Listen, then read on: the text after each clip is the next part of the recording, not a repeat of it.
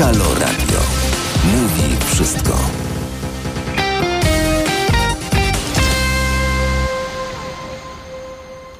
Jest godzina 13.06.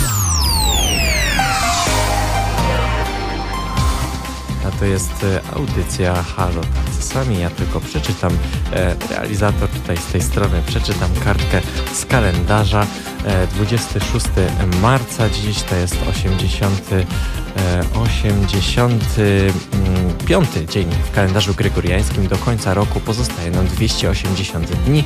Imieniny obchodzą dziś m.in. E, Bazylii, Dyzma, Emanuel, Emanuela, Felix, Kwadrat dzisiaj obchodzi imieniny, e, Manuela, Nicefor, Teodor, Teodozjusz, Teodozy i Tworzymir. Wszystkim e, solenizantom życzymy serdeczne wszystkiego najlepszego. W Bangladeszu. Mamy dziś Święto Niepodległości, w Mali Dzień Męczenników, e, a z takich bardziej globalnych i e, międzynarodowych e, ważnych dat, no to w 2000 roku Władimir Putin został prezydentem Rosji, wygrał wybory w pierwszej turze. Ach,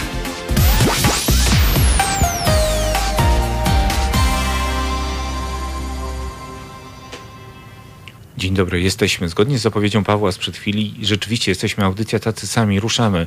Ruszamy w kolejny piątek, znowu półtorej godziny o tym, e, co jest dla nas ważne. Dla nas, czyli organizacji, czyli dla osób, które pracują na rzecz osób z niepełnosprawnościami. Ja przypomnę, że gospodarzami tej audycji jesteśmy na zmianę. Co trzeci tydzień raz się pojawia tutaj Iza z Kulawej Warszawy, z Fundacji Kulawa Warszawa, innym razem Małgosia z Niewidzialnej Wystawy, a jeszcze innym razem jestem tutaj ja, reprezentuję Fundację Kultury Bez Barier i cały czas rozmawiamy o niepełnosprawności, o dostępności, o tym, w jaki sposób czynić ten świat bardziej otwartym na każdego człowieka, który ewentualnie naszej uwagi, mm, naszego wsparcia potrzebuje. Jak zwykle mm, jest z nami gość, bo inaczej by być nie mogło. Gdybym miał mówić sam półtorej godziny, byłoby zupełnie, zupełnie beznadziejnie. A tymczasem siedzi koło mnie Łukasz Słowik. Cześć Łukasz. Dzień dobry. Łukasz, mm, co Łukasz, jaką Łukasz historię ze sobą przyniósł, to za chwilkę. Zaraz będziemy rozmawiali, zaraz będę zadawał pytania. Oczywiście o tym wszystkim, e, e, nad tym wszystkim, żeby było nas znakomicie słychać, żebyśmy docierali do Państwa z każdym naszym słowem, żeby, żeby nic tutaj nie uciekło. Czuwa Paweł Cwalina. Paweł będzie tutaj a, machał heblami, będzie realizował nas i robi to znakomicie i teraz podał, e, podał, podał kartkę z kalendarza, to był właśnie głos Pawła, bo, bo, tak, bo tak w ogóle to będzie raczej milczał. A dzisiaj będziemy rozmawiali o... A, o niepełnosprawnościach, to o tym mówiłem, ale przede wszystkim o przestrzeni publicznej. Ta przestrzeń publiczna, te, przez tę przestrzeń publiczną będziemy sobie chodzili w tę i z powrotem i będziemy się zastanawiali, co to w ogóle jest ta przestrzeń publiczna. Czy tylko to, co poza budynkami, czy może też jakieś wnętrza, może jakieś instytucje, może zobaczymy, zobaczymy, gdzie nas Łukasz zaprowadzi. Mm, o tym z perspektywy której niepełnosprawności, czy z perspektywy osób, z którą niepełnosprawnością będziemy patrzyli na, na tę przestrzeń publiczną, to też Łukasz. A potem, ponieważ jesteśmy w sytuacji COVID-u i bardzo często się kontaktujemy przez internet i ten internet stał się takim naszym codziennym towarzyszem naszych wędrówek od człowieka do człowieka, naszych spotkań, to też troszkę zawędrujemy sobie do internetu. Mamy nadzieję, że na to wszystko nam starczy czasu, bo tak to wszystko zostało zaplanowane. Teraz odrobinka przerwy i już przechodzimy do rozmowy. Halo Radio. Mówi wszystko. Skoro mówimy, no to mówimy. To Łukasz jest, Łukasz jest, Łukasz em, specjalnie tutaj za bardzo nie rozmawialiśmy podczas przerwy, żeby w gardle nie zaschło. Łukasz, em, najpierw chyba to się należy słuchaczom. Skąd u ciebie to zainteresowanie dostępnością? Skąd u ciebie taka wrażliwość na potrzeby osób z niepełnosprawnością? To jest bardzo dobre pytanie. Nie wiem, e, skąd to się wzięło bezpośrednio. Nie ma jakiegoś jednego e, punktu, momentu, w którym e, wiedziałem już, o, to jest to. Bo mm, ta rzecz jest ze mną blisko od, e, właściwie od urodzenia. Jestem osobą słabowidzącą, w związku z czym za każdym razem y, też z tej przestrzeni korzystam i też czasami, czasami mierzę się z różnymi kłopotami. E, Z czasem mm, zacząłem e, dostrzegać inne osoby podobne wokół mnie, podobne, ale różne. E, Podobne dlatego, że mają niepełnosprawność wzroku, a różne dlatego, że mają z powodu tej niepełnosprawności różne i inne specyficzne dla siebie potrzeby. Mm, A potem zacząłem y, wyłapywać różnego rodzaju y, dziwne buble architektoniczne, które zaczęły mi przeszkadzać. I zacząłem obserwować, że tym samym osobom, które, które znam, które też y, tą przestrzeń ze, przemierzają z, z, problemami ze wzrokiem, też zwracają na to uwagę, że są takie pomyłki, że są takie rzeczy, które miały działać, ale nie działają w ogóle, bo ktoś nie do końca pomyślał. I jakby składając to wszystko razem do w całość, to doszedłem do wniosku, właśnie doszedłem do wniosku. Właściwie to, to jest tak, że zacząłem czuć, że to jest kierunek, w którym chcę iść, w którym chcę, żeby mm, ta sytuacja uległa troszeczkę poprawie, żeby uległa zmianie, żeby to, co jest złe, zrobiło się dobre. No Zaraz o tym, tak co zamierzasz to... robić z tymi zdobytymi informacjami, będziemy, zdobytymi informacjami będziemy rozmawiali, ale powiedz mi, patrzysz na tę architekturę, na tę zewnętrzność okiem znawcy, ty jesteś profesjonalnie, tak zawodowo przygotowany do tego, czy okiem użytkownika, takiego po prostu przechodnia, który idzie i widzi, kurczę, tutaj coś nie gra? Myślę, że jestem gdzieś po środku, bo z jednej strony nie mam na to żadnego dyplomu, i trzeba to uczciwie powiedzieć, ale z drugiej strony to jest coś, co na własną rękę studiuję w bardzo szerokiej perspektywie od wielu lat. Myślę, że no, to trwa mniej więcej od dekady, kiedy zauważam różne rzeczy, kiedy zastanawiam się, jak można by było coś zrobić lepiej, albo czy coś jest zrobione dobrze, albo czy coś jest zrobione źle, czy komuś to przeszkadza, czy komuś to pomaga i jak to w ogóle działa. Także e, no, gdzieś po środku bym siebie umiejscowił, chociaż e, nie mam na to dokumentu, który potwierdza, bo jakiekolwiek moje kwalifikacje. Mam mnóstwo publikacji.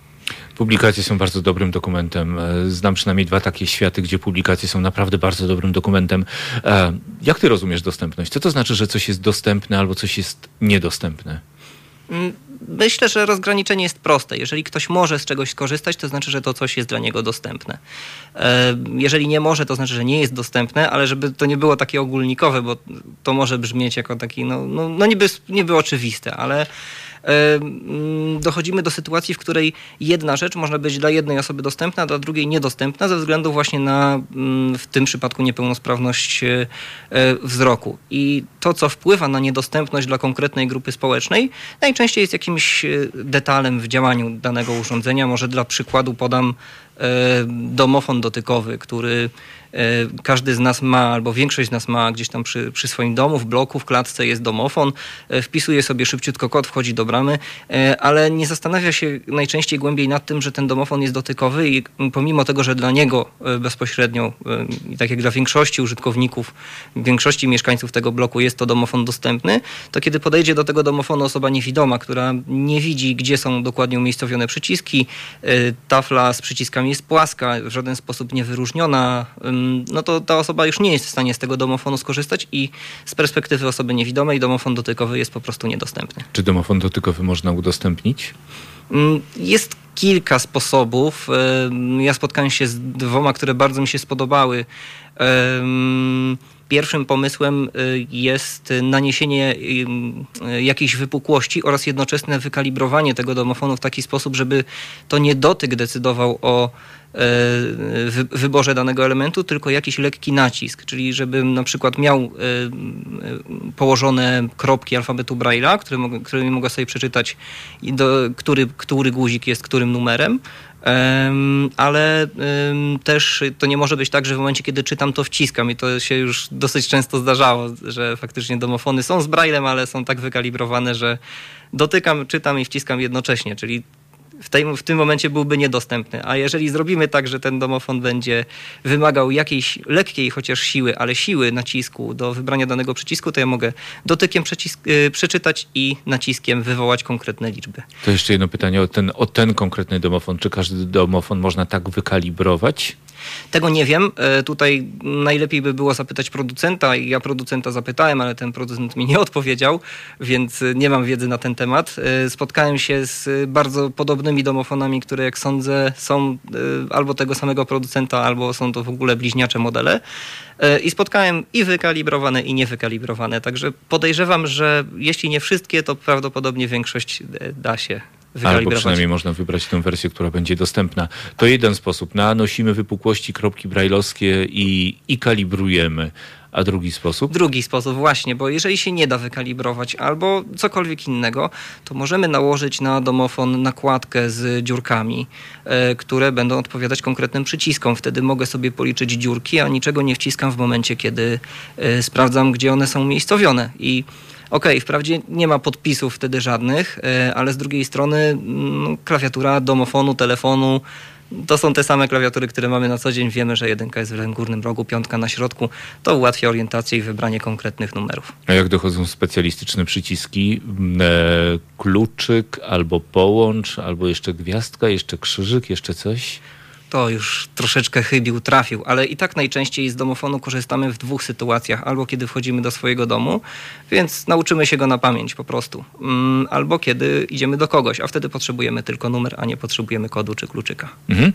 A ja sobie tak jeszcze pomyślałem, tak sobie szybko przemierzam tę przestrzeń publiczną i szukam tych wszystkich klawiatur, które są poumieszczane gdzieś w jakichś różnych miejscach i znalazłem jeszcze jedną taką klawiaturę, z której powszechnie chyba korzystamy teraz w XXI wieku. E, Bankom bankomaty. Jak to jest z tymi bankomatami? Bankomaty działają czy nie działają? Osoba niewidoma może sobie sama wypłacić lub wpłacić pieniądze w bankomacie, czy wcale niekoniecznie? E, historię bankomatów obserwuję gdzieś tak od końcówki lat 90., kiedy one w ogóle zaczęły się pojawiać w naszym kraju. E, I to, na... Przepraszam, coś się zmieniło? I na początku, na początku w ogóle nie były one dostępne, nikt nie myślał w ogóle o dostępności, ale osoby niewidome uczyły się układu menu na pamięć. I to działało dopóki się ten układ nie zmienił, w związku z czym dosyć szybko zaczęły rezygnować z tego planu na funkcjonowanie, szczególnie, że z czasem okazuje się, że dobra, nie korzystam tylko z bankomatu pod domem, ale też wyjeżdżam gdzieś. Inny bankomat, inna firma, problem. Natomiast y, dzisiaj spotyka się już, chociaż nie jest to super powszechne, to nie jest tak, że każdy bankomat, wydaje mi się, że w każdym większym mieście da się znaleźć taki bankomat. A w dużych miastach jak Warszawa to jest ich kilka, może nawet kilkanaście bez większego problemu. E, urządzenia, do których możemy podłączyć słuchawki, swoje własne słuchawki na małego e, i ten bankomat od momentu podłączenia tych słuchawek od razu do nas zacznie mówić i będzie nam, nas prowadził właściwie taką instrukcją od tego, co należy wcisnąć, żeby wybrać daną opcję, co należy, właściwie kiedy należy wpisać na przykład PIN. E, z zabawnych e, jeszcze historii, bo faktycznie jak obserwuję długo, to i ciekawe rzeczy zaobserwowałem, to pierwsze próby udostępnienia bankomatów osobom niewidomym e, były dosyć zabawne, ponieważ bankomat, ja spotkałem kiedyś bankomat, który mówił w Krakowie wszystko na głos, bez podłączenia słuchawek. Łącznie z pinem. To było spoko, dopóki nie zaczął mówić pinu, który wpisuje, tak. Super, super. E, powiedz mi, e, kilkanaście bankomatów na taki obszar jak Warszawa szału nie ma. Szału nie ma, to prawda, to nie jest y, duża liczba, mm, ale przynajmniej ja nie mam tutaj y, porównania z innymi miastami. Przyznam, że nie mam pojęcia, jak to wygląda na przykład w Łodzi, czy w Kielcach, czy we Wrocławiu. Wiem, że tam takie, takie bankomaty są, że takie osoby niewidome znajdują takie bankomaty. Natomiast y, z drugiej strony patrząc, dobre jest nawet te kilkanaście, czy, czy być może kilkadziesiąt. Ja tak strzelam troszeczkę w ciemno, bo po prostu widzę co, co kilka ulic widzę bankomat i porównuję sobie to z liczbą wszystkich innych bankomatów i jakoś tak sobie tak e, szacuję. Mm, szału nie ma, ale dobrze, że jest cokolwiek, bo kiedyś nie robiło się tego w ogóle i to była sfera zupełnie niedostępna. Mhm. To klawiatury mamy, to klawiatury mamy posprzątane. Teraz z telefonów takich stacjonarnych budki telefoniczne w zasadzie odeszły w niepamięć, a terminale płatnicze Tutaj obawiam się, że dopiero mogą zacząć się dziać rzeczy niedobre. Od mniej więcej roku na Facebooku notorycznie pokazuje mi się reklama firmy, która oferuje terminale właśnie e, do, dla małej przedsiębiorczości w szczególności mobilnej. No i oni mają tam dwa albo trzy modele, z czego jeden z nich jest właśnie modelem dotykowym, e, który jest płaski, który nie daje możliwości wpisania PIN-u w sposób e, tajny osobie niewidomej. Czyli przy transakcjach powyżej 100 zł będziemy mm, bezradni.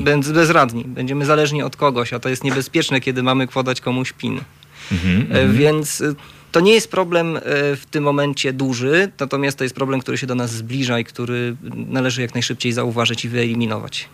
E, właśnie jak o tym powiedziałeś, to tak sobie przypomniałem. Pojawiły się też bankomaty z dotykowymi ekranami.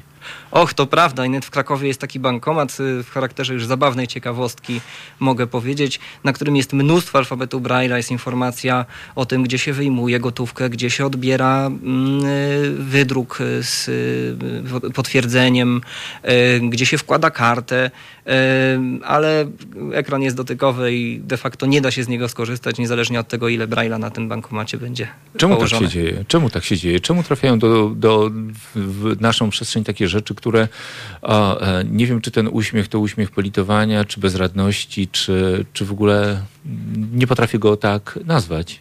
To trochę taki uśmiech Barei, myślę. E, mhm. Faktycznie z jednej, z jednej strony to w pierwszym momencie wkurza, ale kiedy wkurza setny raz też zaczyna bawić. E, to są takie rzeczy, które biorą się z, właściwie trudno powiedzieć, bo nie ma jakiegoś jednego konkretnego powodu. Najczęściej wydaje mi się po prostu, że ktoś nie pomyśli, tylko nie zawsze wiadomo kto.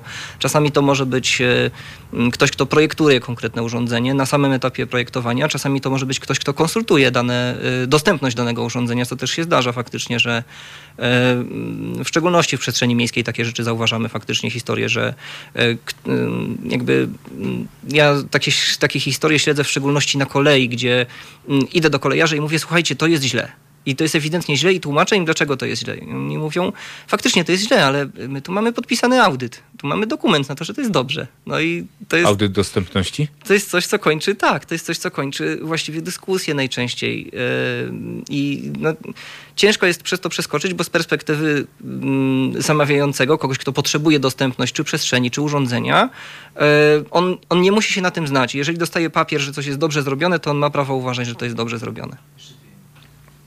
Jasne, jasne, jasne. E, Tak się zastanawiam. E, Nie będziemy teraz się bawili w takich watchdogów i, i szukali tych, którzy wystawiają takie audyty w momencie, kiedy coś jest niedostępne. Fajnie, że ci kolejarze przyznają, że, że racja, no, że, że tutaj racja jest jednak nie po stronie papieru, tylko po, po stronie człowieka. Ale wiesz co, jeszcze jedna rzecz tak mi przyszła do głowy, żebyśmy już zakończyli tę kwestię tych wszystkich cyferek, liczb obecnych w życiu publicznym. Em, Myślałem sobie o bankomacie, także jeszcze na chwilkę wróćmy do tego bankomatu, a o dworcach, o kolejach, o podróżowaniu, jak się nie widzi, za chwilkę porozmawiamy. E, Wypłacamy pieniądze. Niewidomi wiedzą, ile wypłacają, ile pieniędzy dostają, jakie pieniądze, jakie to są nominały. E, Tak, e, jeżeli chodzi o, no, o kwestię bankomatu, to już sobie to jakby omówiliśmy, że jeżeli bankomat mówi, to nie ma tu najmniejszego problemu, żeby wpisać PIN, wybrać kwotę, odebrać ją. Natomiast, żeby dowiedzieć się, w jakich banknotach jest to kwota, to trzeba to sprawdzić e, po wielkości tych banknotów. To jest najprostsza metoda, jednocześnie najbardziej skuteczna. A przepraszam, kółeczka, kwadraciki, krzyżyki i trójkąciki, które istnieją na tych banknotach? E, One faktycznie tam istnieją i faktycznie zostały zrobione z myślą o osobach e, niewidomych, natomiast najczęściej nie działają. Ja przynajmniej znam bardzo niewiele osób, które z tego korzystają na co dzień i nawet one często przyznają, że te symbole się z czasem zacierają, w związku z czym wielkość jest po prostu pewniejsza i nierzadko szybsza, bo tego kółeczka też trzeba, rogu z tym kółeczkiem trzeba poszukać. No jeszcze innym sposobem, e, tak kończąc, e, e, dopowiem, że innym sposobem jest używanie aplikacji w smartfonie, która mówi, jaki jest bankomat pod okiem aparatu. Czyli jest taka, taka aplikacja. Tak. Super. Proszę Państwa, na razie zawieszamy. Nie idziemy do bankomatu, nie podchodzimy do domofonu dotykowego. Mm, Pieniądze będziemy liczyli może w trakcie przerwy. Teraz chwilka przerwy. Słuchacie Halo Dnia. A skoro słuchają Państwo Halo Dnia, to słuchają Państwo audycji tacy sami. Przypomnę, gościem dzisiaj w studiu jest Łukasz Słowik. E, Wędrujemy sobie mm, przez polskie miasta i miasteczka, przez polskie wioski i bezdroża. Może i tam zawędrujemy. Zobaczymy. Na razie byliśmy w miastach i się przyglądaliśmy wszystkim e, klawiaturom, które istnieją, które gdzieś można spotkać, które na co dzień zdawałoby się, że ułatwiają nam życie e, pod warunkiem, że widzimy. Mm. Łukasz, powiedziałeś w poprzedniej, w poprzedniej chwilkę temu, dosłownie, o aplikacji. Aplikacji, która pomaga osobom niewidomym rozpoznawać banknoty. Dużo jest takich aplikacji, które pomagają osobom niewidomym czy niedowidzącym e, w życiu, w takiej codzienności? Jest tego całkiem sporo. Ja sam takich, które używam na co dzień yy, i to pomimo tego, że jestem słabowidzący, a nie niewidomy, czyli teoretycznie mniej tego wsparcia potrzebuję, a jest takich aplikacji, przynajmniej kilka, których używam na co dzień. To do czego wykorzystujesz aplikację? I kilkanaście, które testuję. Mhm. I rozpoznaję przede wszystkim tekst, który jest dla mnie za mały do przeczytania. Na przykład idę do sklepu, biorę sobie opakowanie czegokolwiek, co mnie interesuje. Z grubsza wiem, co to jest, no bo faktycznie widzę na tyle, że aha, dobra, no to jest przecier pomidorowy na pewno, a to jest jakiś, nie wiem, sok, ale jaki jest skład tego soku? No to biorę sobie aplikację, obracam karton tam, gdzie widzę tabelkę z drobnym maczkiem, której już nie jestem w stanie przeczytać, robię zdjęcie i telefon mi rozpoznaje tekst i potem czyta go mową syntetyczną. To jest coś, z czego korzysta zdecydowana większość osób z niepełnosprawnością wzroku, z tego typu wsparcia. E, odbieram listy ze skrzynki. E, kiedyś musiałem pytać sąsiadki, co tam dostałem i od kogo, co było też trochę takie no, nie zawsze nie było fajne, tak, tak, jasne. Jest jednak człowiek zależny. Czasami się rozglądasz dookoła i nie ma w ogóle ani jednej sąsiadki. Mhm. Tak, ale nawet jak masz to i napisze do ciebie urząd skarbowy, już cały blok wie, że do ciebie napisał mhm. urząd skarbowy. I to jest wada mhm. sąsiadki albo mhm. sąsiada, bo nie chcę tutaj mhm. generalizować w żadną stronę. I też nie każdego, żeby była jasność, po prostu to się zdarza. E, natomiast e, w momencie, kiedy jesteśmy niezależni, i to jest e, w każdej tak naprawdę sferze życiowej, to czujemy się dużo bardziej komfortowo, kiedy mogę otworzyć skrzynkę i samodzielnie sprawdzić, tak jak każdy.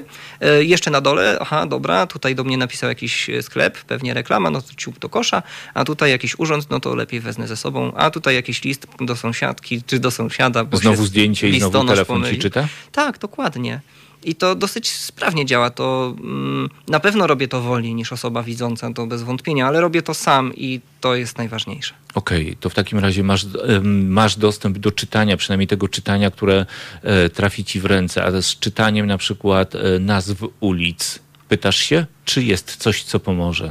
Najczęściej pytam, jeżeli nie jestem pewny, ale rozwiązuję ten problem w troszeczkę inny sposób. Jeżeli mam gdzieś trafić, gdzie mnie jeszcze nie było, e, to ja korzystam z tej samej nawigacji, z której korzystają wszyscy i ta nawigacja prowadzi mnie wzdłuż ulic do punktu, przynajmniej w okolice tego punktu.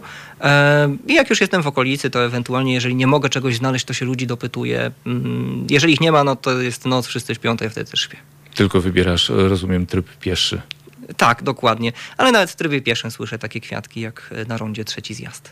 Nieprawdopodobne, fantastycznie.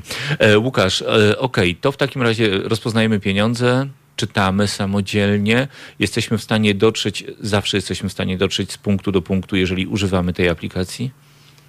Mm, czy zawsze? No mi się jeszcze nie zdarzyło nie trafić e, i nie, tra nie zdarzyło mi się zgubić, więc y, można zaryzykować stwierdzenie, że, że zawsze.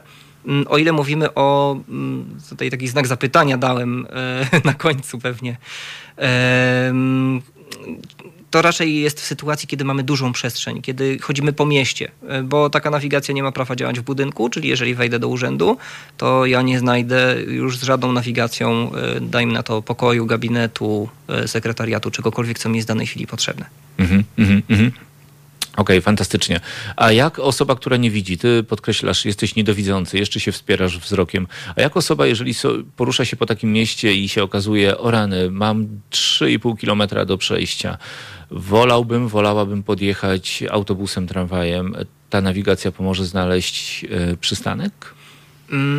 Nie korzystałem z nawigacji w tym zakresie, właśnie dlatego, że ja widzę przystanek po prostu. Z jakiejś tam odległości charakterystycznych, kształt, kolorystyka, aha, dobra, to musi być przystanek. Przystanki zdarza mi się pomylić, ale generalnie przystanek znaleźć jestem w stanie, więc... No nie chciałbym tutaj skłamać, ale mm, mam przeczucie graniczące z pewnością, że znowu w okolice przystanku doprowadza. Zresztą faktycznie jak mam y, dłuższy dystans do pokonania, to czasami też w okolice przystanku mi podprowadza. Mówi mi, że mam wsiąść w jakiś autobus i to jest dla mnie sygnał, że już jestem gdzieś w okolicach przystanku. A, Czyli do samej Wiaty czy Słupka może nie, ale, ale bezpośrednio w bliską okolicę tak. Rozpoznanie numeru autobusu, numeru tramwaju? Mm, to jest y, coś, na co pewnie jeszcze przyjdzie nam trochę poczekać, żeby to y, było możliwe po naszej stronie. E, przynajmniej w Warszawie, bo na przykład y, w Łodzi czy w Kielcach osoby niewidome już od wielu lat mają okazję rozpoznawać numery autobusów i w Łodzi tramwajów mm, z pomocą takich małych pilocików wielkości bryloka samochodowego, takiego pilota.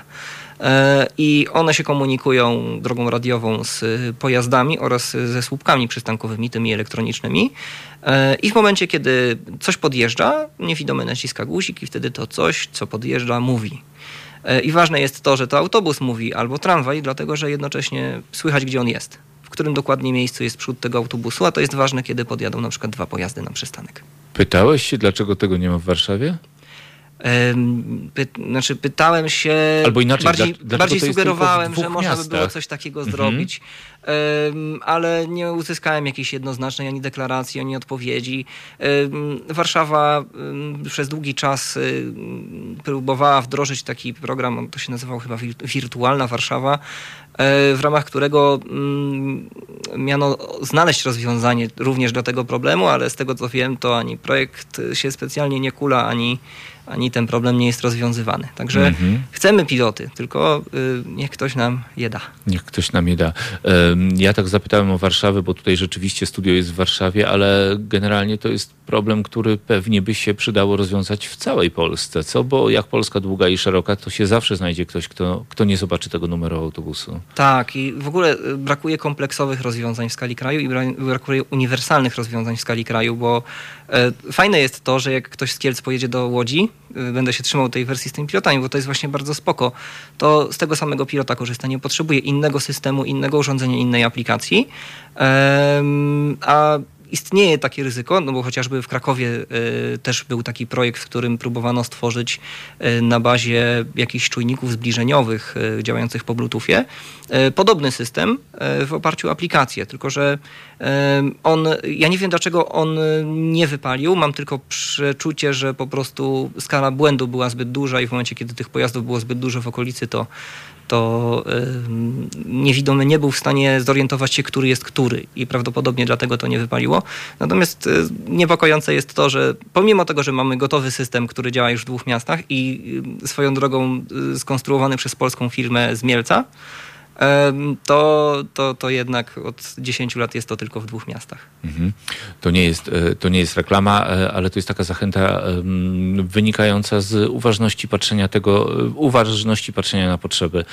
Jeżeli ktoś nas słyszy, kto podejmuje jakieś decyzje, to przede, to przynajmniej prosimy, proszę się zastanowić. Dobrze, Łukasz, co jeszcze? Jakie jeszcze aplikacje? Gdzie jeszcze, jest, gdzie jeszcze te nowoczesne technologie stają po stronie osób z niepełnosprawnością wzroku? Są jeszcze fajne aplikacje, na przykład do rozpoznawania tego, co się znajduje na zdjęciu. I tutaj jakby trudno jest podać jakiś przykład, kiedy to może się przydać, no bo faktycznie mogę sobie zrobić zdjęcie, nie wiem, po prostu, nie wiem, ciebie i on, no ona mi powie, że, że tam jest człowiek, że jest mikrofon prawdopodobnie, spróbuje mi przeczytać tekst. Czyli takie rozpoznawanie obiektowe. Ale nawet mi się ta aplikacja raz przydała, bo ja i zakupy to są dwie rzeczy, które się nigdy nie powinny łączyć, ale czasami się łączą, czasami dziewczyna mnie wysyła z listą zakupów, a na tej liście zakupów y, są różne rzeczy napisane i one nie zawsze są dla mnie oczywiste. Na przykład nic mi nie przychodzi konkretnie, jakieś, jakieś Ale warzywo, jakiś rozumiem, że owoc, którego nie jakiś znam. taki Tak. towar, którego nie znałeś. Dokładnie. Mhm. I ja nie, po prostu nie miałem bladego pojęcia, jak to wygląda, e, ale wiedziałem, jak się nazywa. W związku z czym wszedłem z tą aplikacją po straganie w supermarkecie, robiłem zdjęcia każde, każdych, każdej skrzynki po kolei i w końcu mi powiedział, to jest to. Nieprawdopodobne. Czyli nawet, nawet mi się zdarzyło skorzystać. Mało tego, myślę, że osoba widząca, która nie wie, jak wygląda jakiś owoc czy warzywo, to może z tego skorzystać w ten sposób. Genialne. E, Kolory? Co z kolorami?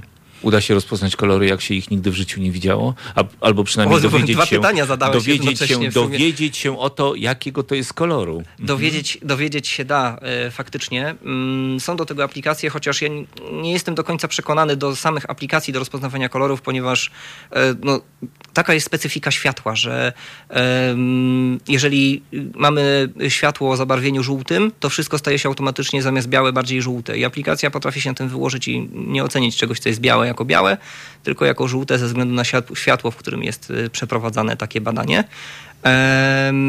Ale są urządzenia, które rozwiązują ten problem poprzez po prostu osłonkę i analizę odbicia swojego własnego światła, czyli zawsze jest to pomiar w, no, w granicach idealnych, który daje w miarę rzetelny wynik.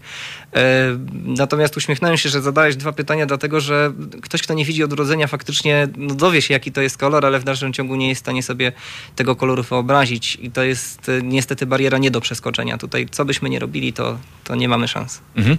Masz takie poczucie, że nowoczesne technologie są jednak po stronie osób z niepełnosprawnościami? Dają bardzo dużo dostępności właśnie. E, coś, co mogę robić dzisiaj, nie mogłem robić często 10 albo 15 lat temu i może to brzmi jakby to było dawno temu, ale to było tak naprawdę niedawno. Myślę, że wszyscy, no skoro pamiętamy budki telefoniczne, o których wspomniałeś w ogóle, że są, że istniały, zniknęły, e, no to, to, to ci sami ludzie, którzy pamiętają budki telefoniczne, dzisiaj korzystają z dostępności cyfrowej, która jest ogromna. E, kiedyś e, wyjście, znaczy inaczej, wyjście z domu było możliwe, ale znalezienie trasy i autobusu i jeszcze kupienie biletu do tego w domu było niemożliwe. A dzisiaj e, nie muszę niczego sprawdzać w domu, tylko wychodzę na miasto, mówię do telefonu, dokąd idę, nawigacja mnie kieruje. W tramwaju robię przelew, płatność jakąś, żeby odebrać rzecz, którą odbieram z punktu, do którego mnie nawigacja prowadzi. Także dostępność faktycznie jest niesamowita pod tym względem. Cyfryzacja jest faktycznie po naszej stronie. Mm, płatności internetowe są dostępne? Tak, e, nie zawsze, bo to zależy od e, bardzo konkretnych e, technologii wykorzystanych w konstrukcji strony czy aplikacji, albo od no, bardzo, no, bardzo szczegółowych miejsc w budowie, że tak powiem, tej strony czy aplikacji, mm, bo właściwie powiem tak, generalnie internet jest dla nas dostępny i generalnie smartfon jest dla nas dostępny, aplikacje są dla nas dostępne, dopóki nie zdarzy się coś. I to coś to są rzeczy, które są wizualne, ale które są w żaden sposób nie opisane. Na przykład jest obrazek, e, który trzeba kliknąć, żeby coś wybrać. E, na przykład logo, nie wiem, logo rodzaju płatności albo logo banku, który jest grafiką, ale nie, nie ma żadnego podpisu, który by potwierdzał, że to jest ta konkretnie grafika od tego konkretnie banku. Albo drugi rodzaj, który też się zdarza, mm, może nie przy płatnościach, bardziej przy procesie zamawiania albo rejestracji. E, jak spotykam na początku formularza, który mam wypełnić komunikat, że pola oznaczone na czerwono są obowiązkowe, to już wiem, że dla mnie wszystkie są obowiązkowe, bo ja nie wiem, które są zaznaczone na czerwono.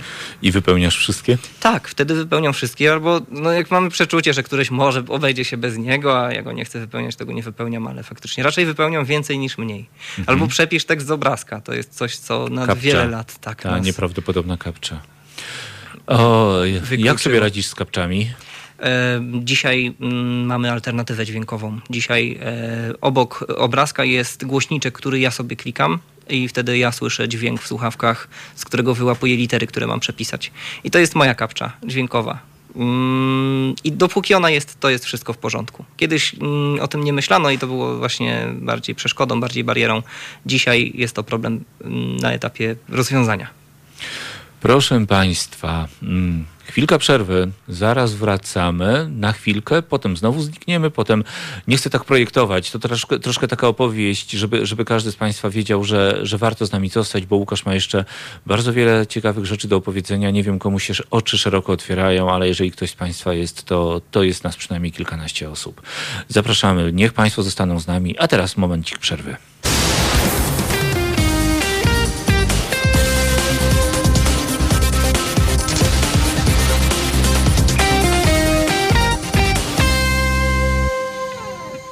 Dostępność, to co czyni to wszystko, co jest dookoła nas dostępnym i to, co utrudnia w tej dostępności dla kogoś, dla kogoś innego.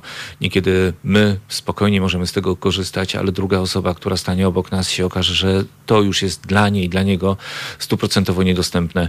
E, Łukasz Słowik dzisiaj nas prowadzi przez te zakamarki dostępności i wskazuje na to, co, co jest dostępne, co jest niedostępne, jak to jest, kiedy się albo słabiej widzi, e, tak mocno słabiej, albo się po prostu nie widzi. Łukasz, czy na co dzień e, ta widząca część naszego społeczeństwa, panie i panowie, którzy widzą, wiedzą, jak pomóc osobie z niepełnosprawnością wzroku? Mm, różnie z tym bywa, ale najczęściej jest pozytywnie, tak bym to na szybko ocenił. E, mm, e, ja jestem daleki od tego, żeby społeczeństwo wiedziało, jak pomóc osobie niewidomej, bo to jest wiedza, którą można uzyskać w momencie, kiedy spotykam osobę niewidomą i kiedy, kiedy muszę jej pomóc, bo w momencie, kiedy wiemy, jak trzeba, w jakiej rzeczy trzeba pomóc osobie niewidomej, to, to determinuje środki do tego celu. W związku z czym mm, wydaje mi się, że najistotniejsze jest to, żeby społeczeństwo miało świadomość tego, że najpierw należy zacząć się komunikować, rozmawiać z nami, żeby zweryfikować, czy pomoc w ogóle jest potrzebna, czyli się przywitać, zapytać e, o to, czy, czy w czymś pomóc i e, ewentualnie zapytać, e, jak pomóc. I to są bardzo proste kroki do zapamiętania, które mm, nie będą generować żadnych e, w ogóle spięć, żadnych sytuacji jakichś emocjonalnych, negatywnych, co się czasami faktycznie zdarza. Kiedy ktoś na przykład nie wie z jednej strony, czy pomoc jest potrzebna, albo inaczej zakłada z góry, że skoro ja nie widzę i mam białą laskę, to znaczy, że pomoc, to on mi będzie teraz pomagał i on mnie łapie i ciągnie. Ja się tego nie spodziewam, więc najpierw pojawia się strach, a potem się pojawia złość, bo ktoś podchodzi i za mnie decyduje. To też czasami prowadzi do sytuacji niebezpiecznych. Znam taką historię, mm, gdzie dziewczyna wsiadała do e, tramwaju całkowicie niewidoma i próbowała złapać rurkę e, po prawej, drzwi, po prawej stronie, w lewej ręce trzymała białą laskę, albo, albo psa przewodnika, nie jestem pewny jedno z dwóch, ale to jest detal w całej historii.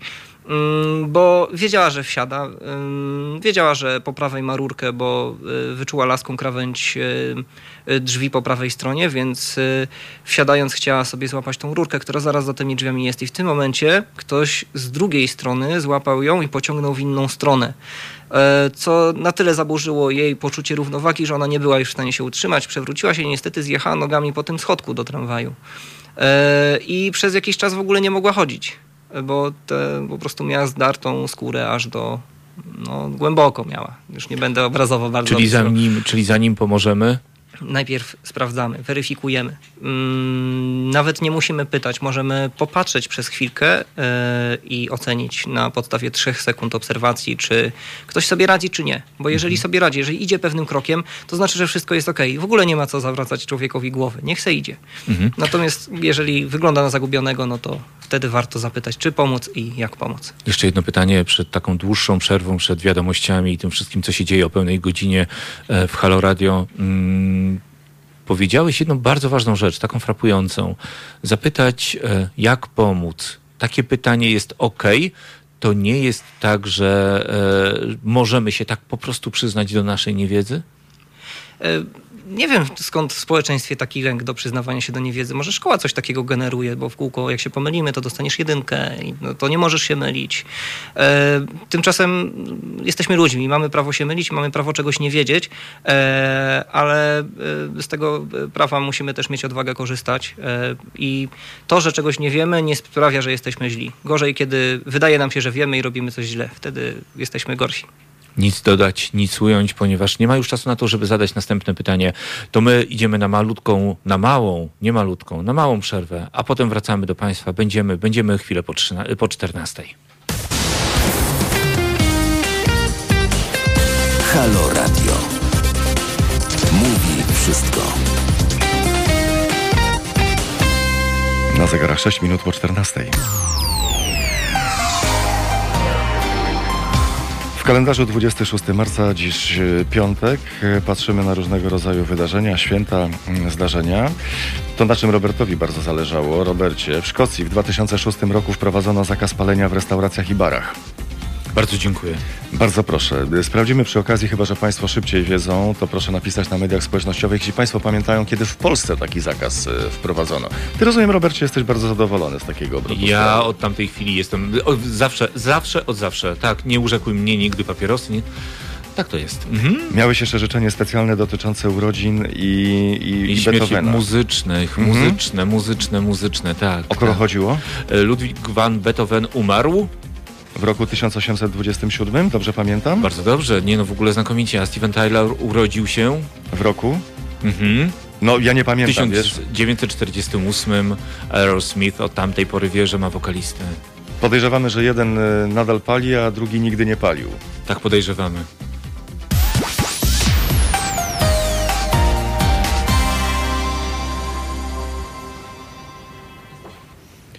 A my rozmawiamy nie o papierosach, nie będziemy rozmawiali o papierosach, e, bo nie one są w centrum naszego zainteresowania. Ta Szkocja nas urzekła, tak, oczywiście urzekła. Ani Łukasz nie pali, ani ja nie, pal, nie palę.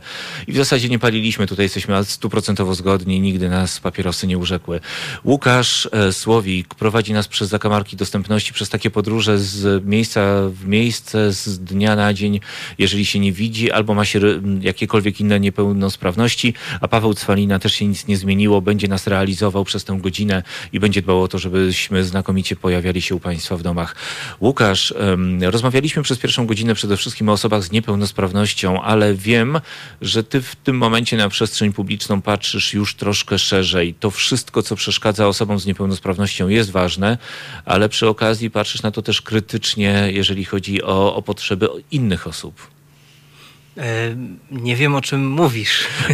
E, coś, coś, tak. nam, coś pomaga osobom z niepełnosprawnością wzroku, przeszkadza komuś A, innemu. wiem, tak, tak, tak. Faktycznie nie, nie dodały mi się te dwie kropki do siebie w e, taki sposób jak tobie, ale tak.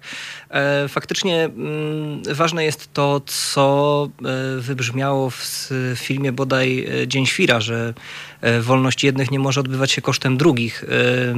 A dostępność bez wątpienia daje poczucie wolności. Jeżeli coś jest dostępne, to ja mogę z tego w sposób wolny skorzy- skorzystać lub nie. Nie jestem skazany na niedostępność, czyli nie mogę, nie da się i w ogóle. A dużo jest E, takich rzeczy, które jednym pomagają, a innym przeszkadzają?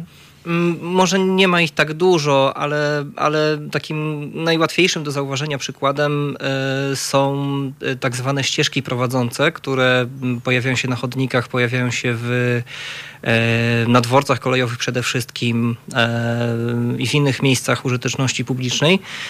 Wypukłe linie, które osobę niewidomą naprowadzają na jakiś punkt.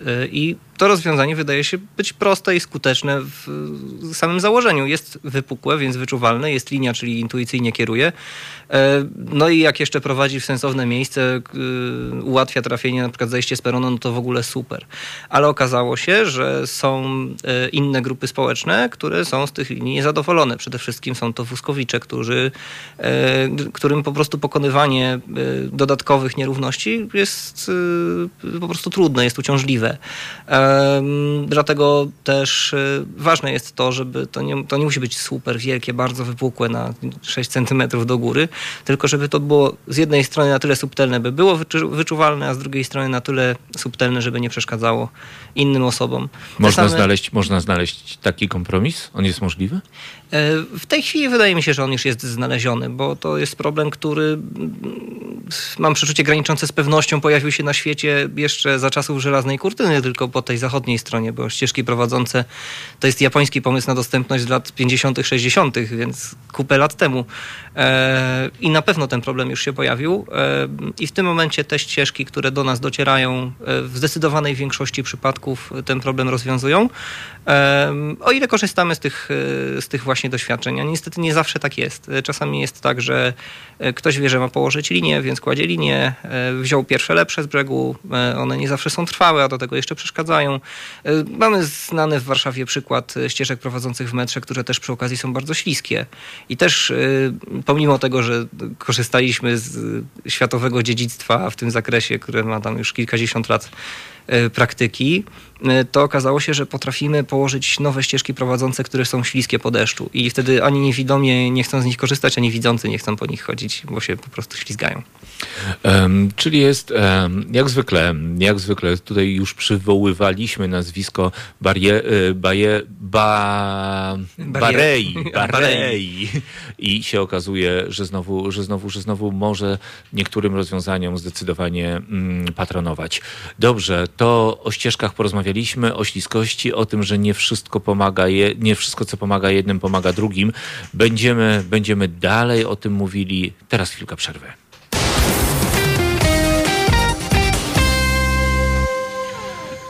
Rozmawiamy, rozmawiamy o tym, co pomaga, rozmawiamy o tym, e, na co, co udaje się zauważyć e, w takiej codzienności e, i ewentualnie zgłosić. Dużo zauważasz takich rzeczy, które przeszkadzają albo przynajmniej nie pomagają tej czy innej grupie osób z niepełnosprawnościami?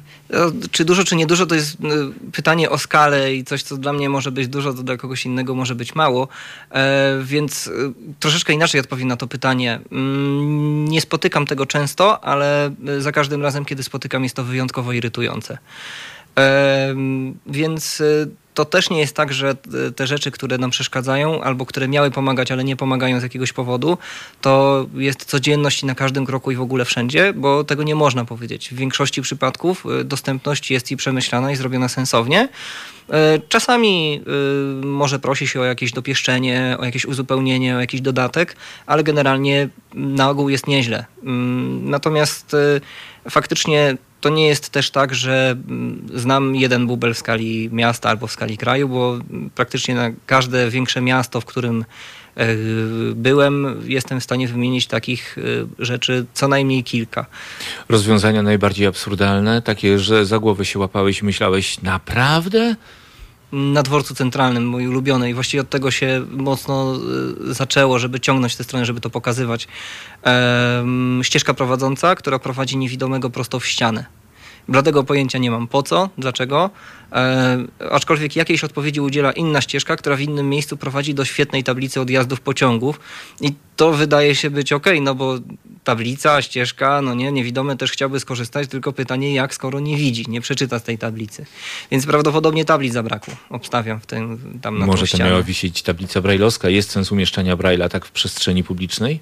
Mm, trudno jest mi odpowiedzieć jednoznacznie na to pytanie, bo znam niewiele osób, które y, z tego Braille'a faktycznie korzystają, ale z drugiej strony mm, praktycznie wszyscy, którzy korzystają, korzystają właśnie z Braille'a i rzadko z jakiejś innej metody wspierania, więc mm, więc tak, więc warto umieszczać, nawet jeżeli y, tylko część osób z tego korzysta.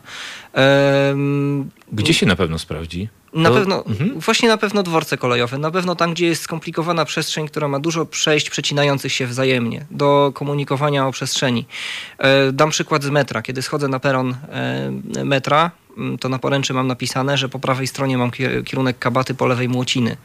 E, czyli informacja, która jest mi niezbędna do tego, żeby prawidłowo wybrać kierunek, w którym będę chciał e, podążać, a do tego umieszczona na poręczy, czyli w miejscu, które dotyka się właściwie intuicyjne. I właśnie też tak to spotkałem, że to nie jest tak, że ktoś mi powiedział, słuchaj, wiesz co, widziałeś, tam są takie kropki. Nie, ja właśnie kiedyś schodziłem sobie na peron, trzymałem poręcz i nagle czuję pod ręką, tak szybko przejeżdżałem, no bo szybko schodziłem, szybko przejeżdżałem ręką i nagle czuję taki charakterystyczny układ kropek. Mówię, to chyba do mnie.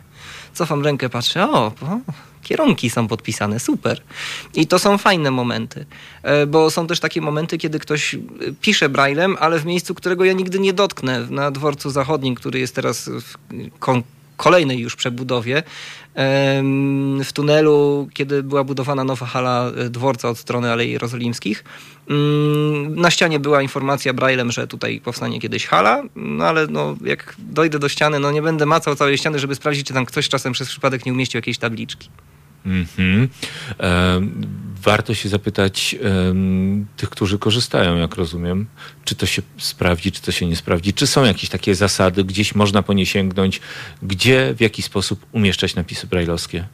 E, no niestety standardy w tym zakresie są e, po pierwsze bardzo ubogie, a po drugie bardzo rozproszone i mocno liczą na to, że ktoś, kto będzie je wdrażał, będzie jednocześnie zastanawiał się nad tym, jak to zrobić e, i być może dzięki temu zrobi to dobrze. A wynika to też z tego, że mm, te standardy, na przykład mamy warszawskie standardy dostępności, inne miasta też sobie wdrażają na, sw na swoją, e, na swoim terenie swoje standardy coraz częściej.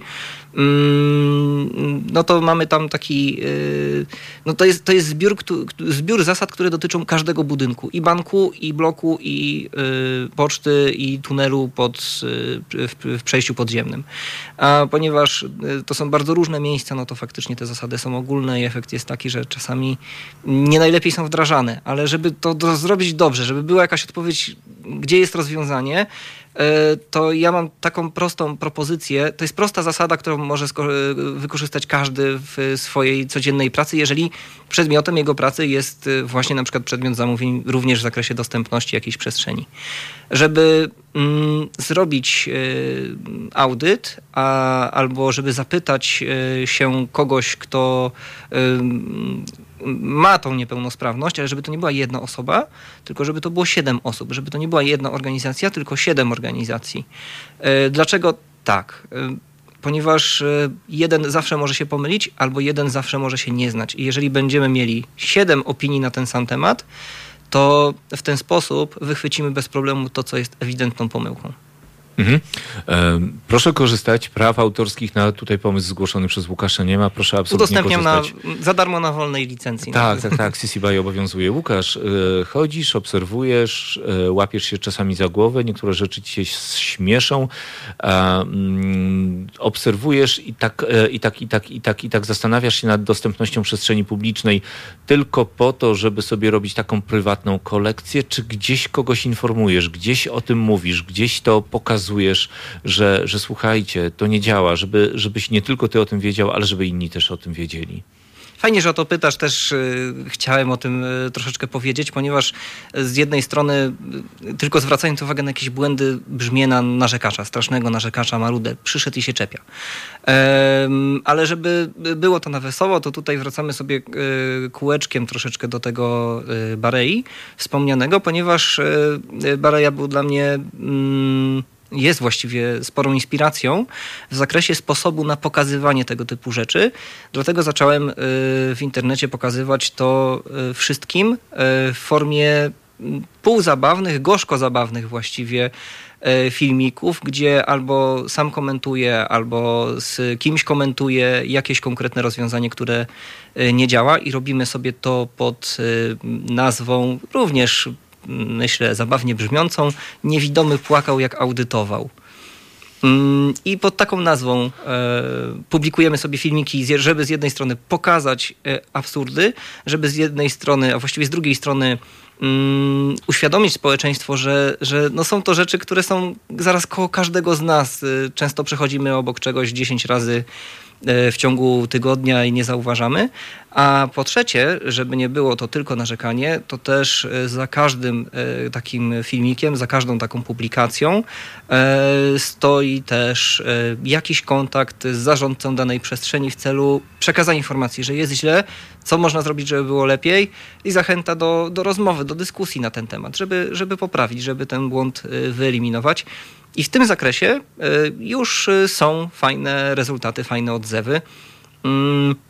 Bo właściwie pierwszą, ale jednocześnie najbardziej głośną sprawą, jaką poruszyliśmy, była historia ze Szczecina, gdzie mm, ścieżka prowadząca naprzeciwko wejścia do e, dworca głównego kolejowego prowadziła osobę niewidomą prosto w ścianę, e, ograniczoną po bokach e, poręczami które były wzdłuż schodów, które trzeba było przejść, potem nimi wrócić, obejść poręcz i znowu wejść, żeby trafić w e, rzeczywiste drzwi. Powiedz mi, co się dzieje z tymi kolejami, z tymi dworcami, że tam co ścieżka to w ścianę?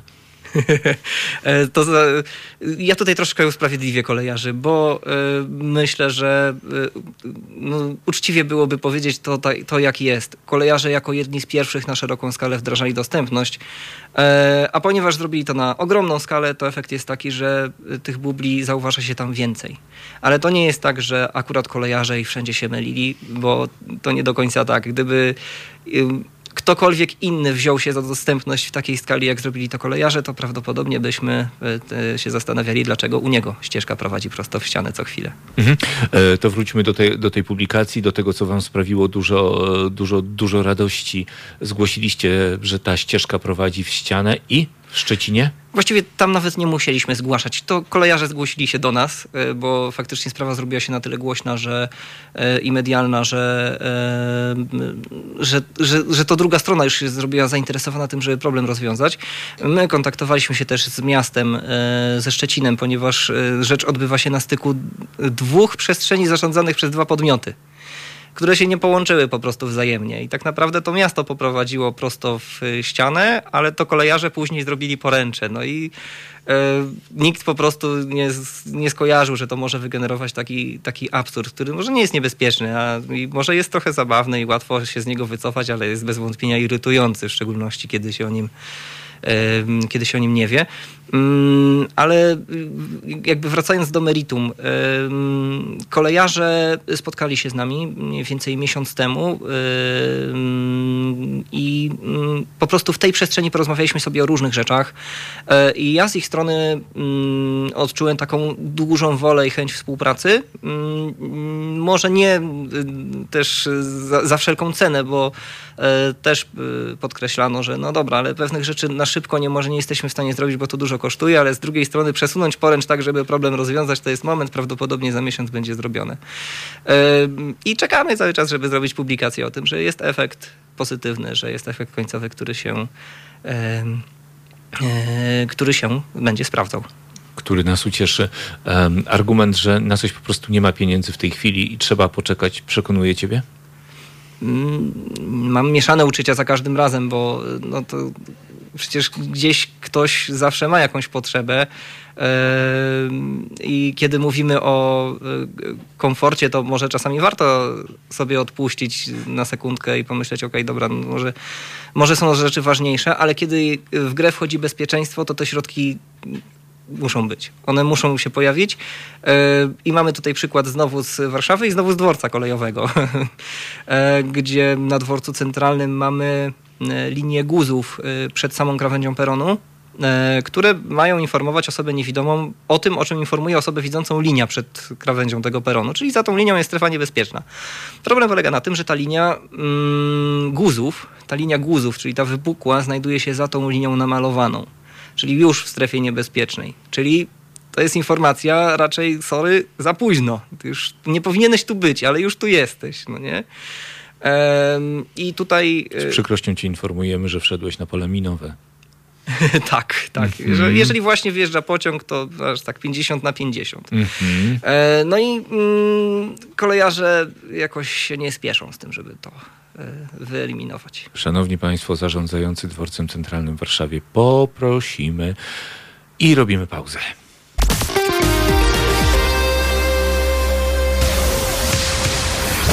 Słuchacie Halo Dnia. A tym razem w Halo Dniu, dniu poruszamy sprawy osób z niepełnosprawnością i mówimy o dostępności, o tym, jak czasami um, coś zostanie zrobione, a potem, a potem zostaje nam się już tylko i wyłącznie z tego śmiać.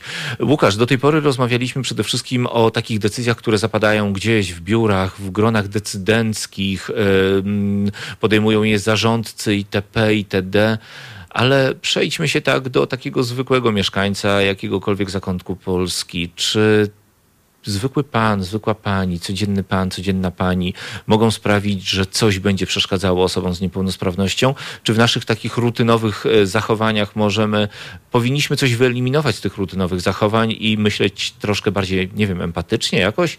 Czy nie? Czy, czy nasze zachowanie nie ma znaczenia? To się faktycznie może zdarzyć i to najczęściej przez przypadek i nieumyślność. To nie są rzeczy, które ludzie robią specjalnie. Mówiliśmy sobie o tym już, jak, e, jak pomagać, jak nie pomagać, jak podchodzić, jak nie podchodzić. To tutaj już e, dużo się tak naprawdę fajnych e, rzeczy wydarzyło w naszej rozmowie. No ale są też takie momenty, kiedy robimy coś w przestrzeni, nie wiem, parkujemy samochód i mm, okazuje się, że ten samochód, który częściowo parkujemy na chodniku, no bo takie mamy warunki. E, jednocześnie e, staje na tej ścieżce prowadzącej tej wypukłej, która akurat jest przygotowana dla osób niewidomych.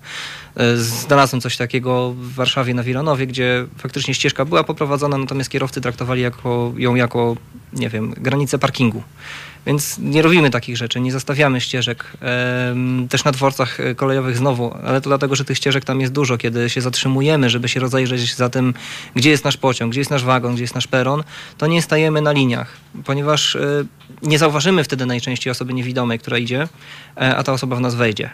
Sprawiając, że ta ścieżka będzie drożna, że ona będzie pusta, ułatwiamy przemieszczanie się osobie niewidomej. Nie musimy o tym myśleć, czy ona jest, czy jej nie ma, tylko po prostu jej nie zastawiajmy. Na pewno osoba niewidoma będzie za to wdzięczna. Czyli po prostu bądźmy uważni i, e, i, i, i respektujmy to, co zostało dla kogoś przygotowane. A może to z niewiedzy, może ci kierowcy w Wilanowie kompletnie nie mają pojęcia, o co chodzi z tą ścieżką. Ja się domyślam, że to jest z niewiedzy, bo kiedy oprowadzam gości na niewidzialnej wystawie, to często pytam ich o te ścieżki prowadzące i no, jakaś, jakiś odsetek, y, może co dziesiąta osoba, może co ósma osoba mówi, a ja myślałam, że to jest, y, ja myślałem, że to jest do prowadzenia roweru, że to jest do prowadzenia walizki, że to do czegoś innego zupełnie służy. Y, Stąd też y, takie kampanie informacyjne można też znaleźć w sieci, które promują e, tego typu rozwiązania, żeby pokazać po co one są. Warto udostępnić którąkolwiek właściwie z publikacji ze strony ścieżka dostępu Podziel się przestrzenią. To jest taka strona, która mm, y, na, na co dzień y, podejmuje właśnie przede wszystkim kwestie tych ścieżek prowadzących i nie zastawiania ich. A czy te ścieżki nie e, komplikują życia osobom, które nie potrzebują tych ścieżek? To nie jest tak, że ich jest po prostu za dużo i ci, którzy e, mogliby, nie potrzebują tej ścieżki, po prostu nie mają jak się zachować. Jak ktoś nie potrzebuje, to wystarczy pominąć, ale inna sprawa, której, którą poruszyłeś, i to też jest ważne, że przerost formy ponad treść, czyli zagęszczenie, zrobienie wielkiej sieci pajęczyny tych ścieżek też sprawia, że osoba, która nawet z nich korzysta, już nie, niekoniecznie skorzysta, no bo spotyka się z labiryntem, a nie z czymś, co ma w prosty, intuicyjny sposób prowadzić do najważniejszych miejsc. To swoją y, drogą zupełnie. Czyli mniej w tym wypadku znaczy więcej? Trochę tak, trzeba znaleźć swego rodzaju złoty środek. Będę się opierał o te przykłady dworcowe, bo tutaj jest najłatwiej y, już coś pokazać, biorąc pod uwagę, że i coś jest, i, e, i dużo też o tym powiedzieliśmy. No to na dworcu kolejowym y, co jest? y, Czego potrzebujesz na dworcu kolejowym? Potrzebujesz pociągu, potrzebujesz kasy biletowej, ewentualnie toalety, e, informacji i wyjścia z tego dworca, jak już gdzieś dojedziesz. I to są miejsca, do których należy poprowadzić ścieżki. Czyli do peronów, do kas, do, do tych, które są najważniejsze. A wszystkie inne ważne miejsca, jakby ktoś chciał na przykład coś zjeść, dopyta się? Y, dopyta się, odnajdzie w każdy inny sposób. Natomiast jeżeli spotka sieć pajęczyn, która prowadzi do każdego kiosku, sklepu, kawiarni i wszystkiego innego, co na tym dworcu jest, to w praktyce zanim znajdzie peron, to to minie sporo czasu. Y, Więc o rzeczy jakby ja nie chcę tutaj y, kwestionować, jedzenie jest ważne, picie jest ważne, je- jedzmy, pijmy.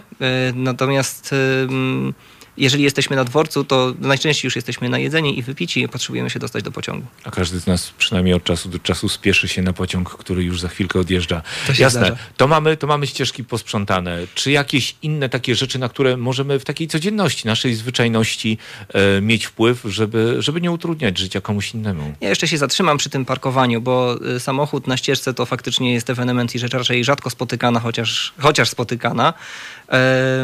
Ale coraz y, prężniej rozwija się y, sektor y, tak zwanej mobilnej mobilnego transportu, e, czyli już nie tylko mamy rowery, ale też różnego rodzaju urządzenia transportu osobistego tak zwane, czyli hulajnogi elektryczne, czyli monocykle, czyli jakieś takie inne małe rzeczy, które szybko jeżdżą. I tym, którzy nie jeżdżą na ogół nie najlepiej się kojarzą, a tym, którzy jeżdżą na ogół kojarzą się dobrze, no bo przynosi trochę frajdy, a do tego jest to sprawny sposób przemieszczania się po mieście.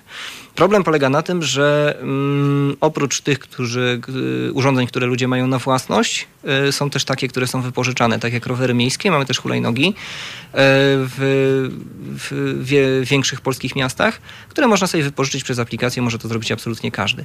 I problem polega na tym, że część osób, które mm, zostawia te hulajnogi po skorzystaniu z nich, robi to w sposób dla nas wręcz niebezpieczny. Na środku chodnika, na ścieżce, no to już, y, już nie będziemy wracać do ścieżki, bo, bo już myślę, że to jest oczywiste, Y, ale faktycznie na środku chodnika, w poprzek, y, czasami ta hulajnoga jest przewrócona, czasami nawet nie przez same- samego użytkownika, tylko przez kogoś innego, albo przez wiatr. Y, I ona leży. Jest, jest wtedy praktycznie nie do wychwycenia przez białą laskę, a potknąć się i rozbić zęby, no po prostu bardzo łatwo. E, Dlatego jeżeli korzystamy z hulajnóg, to zostawiamy je przy innym elemencie infrastruktury, przy słupku, przy stojaku, y, przy koszu na śmieci, przy mm, tablicy, przy czymkolwiek. Ale y, na ile to jest możliwe, nie przy ścianie, dlatego że ściana to jest świetny wyznacznik kierunku. Dobrze się idzie wzdłuż ściany. Jeżeli tam cokolwiek będziemy ustawiać, to nam to będzie przeszkadzać. A mm, przeszkadzajki inne, typu słupki, które właśnie omijamy idąc wzdłuż ściany, słupki, jakieś właśnie stojaki są bliżej jezdni i to właśnie tam zostawiajmy te hulajnogi. To rozwiąże ten problem. A z drugiej strony, jeśli widzimy hulajnogę porzuconą, leżącą, no ja wiem, e, mnie też czasami to złości, że muszę to robić 20 raz i że nikt inny z tym odgórnie nic nie robi, no ale mamy taką rzeczywistość, rzeczywistość jaką mamy. Dla sąsiada, dla znajomego albo nieznajomego, podnieśmy, postawmy gdzieś z boku. Gorąco do tego zachęcamy. Tak, tak, tak. I do takiej uważności w parkowaniu. Proszę Państwa, hulajnogi to nie hulajnogi są kłopotem, tylko ewentualnie użytkownicy są kłopotem. Proszę, proszę o tym pamiętać. Tak sobie po, pomyślałem, że powiem tę złotą maksymę, bo o hulajnogach dużo się ostatnio mówi, dużo złego, ale tutaj to chodzi bardziej o, o to, w jaki sposób je traktujemy, jak ich używamy. Tak, dokładnie. Nie demonizowałbym tutaj samych hulajnóg, bo podejrzewam, że to jest świetny środek do przemieszczania się. I widzę zadowolonych ludzi, którzy z tego korzystają, więc to nie hulajnogi są złe, tylko to, co z nimi czasami robimy. Super. Łukasz, wspomniałeś jeszcze o jednej rzeczy i no nie możemy sobie tam zawędrować, bo, bo tacy sami to między innymi niewidzialna wystawa. E, pandemia was zamknęła. Mm, kiedy się otwieracie? To dobre pytanie. E, chcielibyśmy jutro, a nawet dzisiaj, e, a podejrzewamy, że kwiecień, może maj. Zobaczymy, co trzecia fala przyniesie. E, faktycznie jest nam ciężko. To, że jeszcze żyjemy, że jeszcze istniejemy, to jest zasługa naszych gości, którzy nas cały czas wspierają, pomimo tego, że praktycznie nie funkcjonujemy. Ale Właśnie trudno, trudno. To jest, to jest dla nas temat trudny i nawet dla mnie teraz, jak, jak, jak myślę sobie o tym, że no już y, ponad rok y, się z tym zmagamy, że nie mamy gości, bo nie możemy mieć gości, bo albo nas zamykają, albo ludzie po prostu boją się gromadzić i to jest też naturalne. No to bez, bez wsparcia naszych gości prawdopodobnie by już nas nie było, a warto było, żebyśmy byli. To warto, wartościowy projekt edukacyjny, który otworzył wielu oczy. Mhm, zdecydowanie. Czy e, niewidzialna wystawa może być bezpieczna? No, wszyscy mówią, coraz częściej o tym słyszymy. Z COVID-em się już nie rozstaniemy, już będzie z nami zawsze. Stosujemy podstawowe e, i niezbędne zasady e, dotyczące naszego bezpieczeństwa w sytuacji covidowej. Obecnie są to oczywiście maseczki, są to rękawiczki, jest płyn do dezynfekcji. Całą przestrzeń codziennie e, czyścimy, codziennie dezynfekujemy, e, więc e, czujemy, że jesteśmy miejscem bezpiecznym na tyle, na ile pozwala nam wiedza o covid i na tyle, na ile pozwalają nam środki, żeby to wszystko zrobić. To my do tej sytuacji aktualnej się już dostosowaliśmy i w zasadzie moglibyśmy się otworzyć, gdyby tylko dano nam taką możliwość. O raju. E, trzymamy kciuki. E, lubisz spotkania z ludźmi, którzy przychodzą na niewidzialną wystawę? To właśnie dlatego tam pracuję. E, to jest właśnie sedno i cała, cała radość, bo za każdym razem spotykam innych ludzi i za każdym razem coś mnie zaskakuje, za każdym razem dzieje się coś ciekawego, jest jakaś ciekawa rozmowa, poznaje się jakiś ciekawy inny punkt widzenia na różne sprawy. I to właśnie niewidzialna wystawa pozwoliła mi patrzeć również na kwestie związane z dostępnością przez pryzmat nie mój osobisty, ale przez pryzmat dużej i różnorodnej grupy społecznej, która ma różne potrzeby w zależności od różnych ograniczeń. Mhm.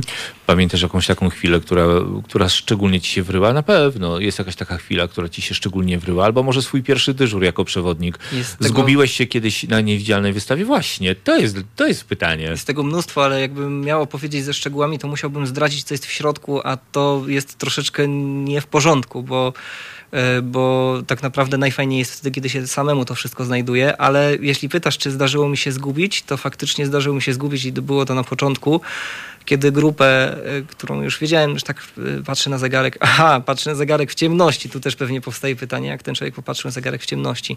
E, koperta otwierana i wskazówki wyczuwalne na tarczowym, zwykłym zegarku.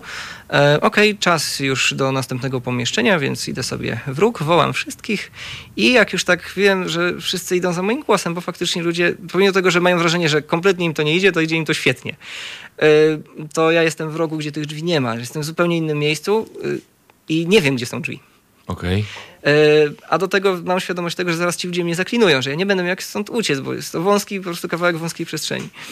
Wymknąłem się jakoś tam na szybko, nic nie mówiąc, żeby też znowu nie, nie, przez chwilę nie nakierowywać.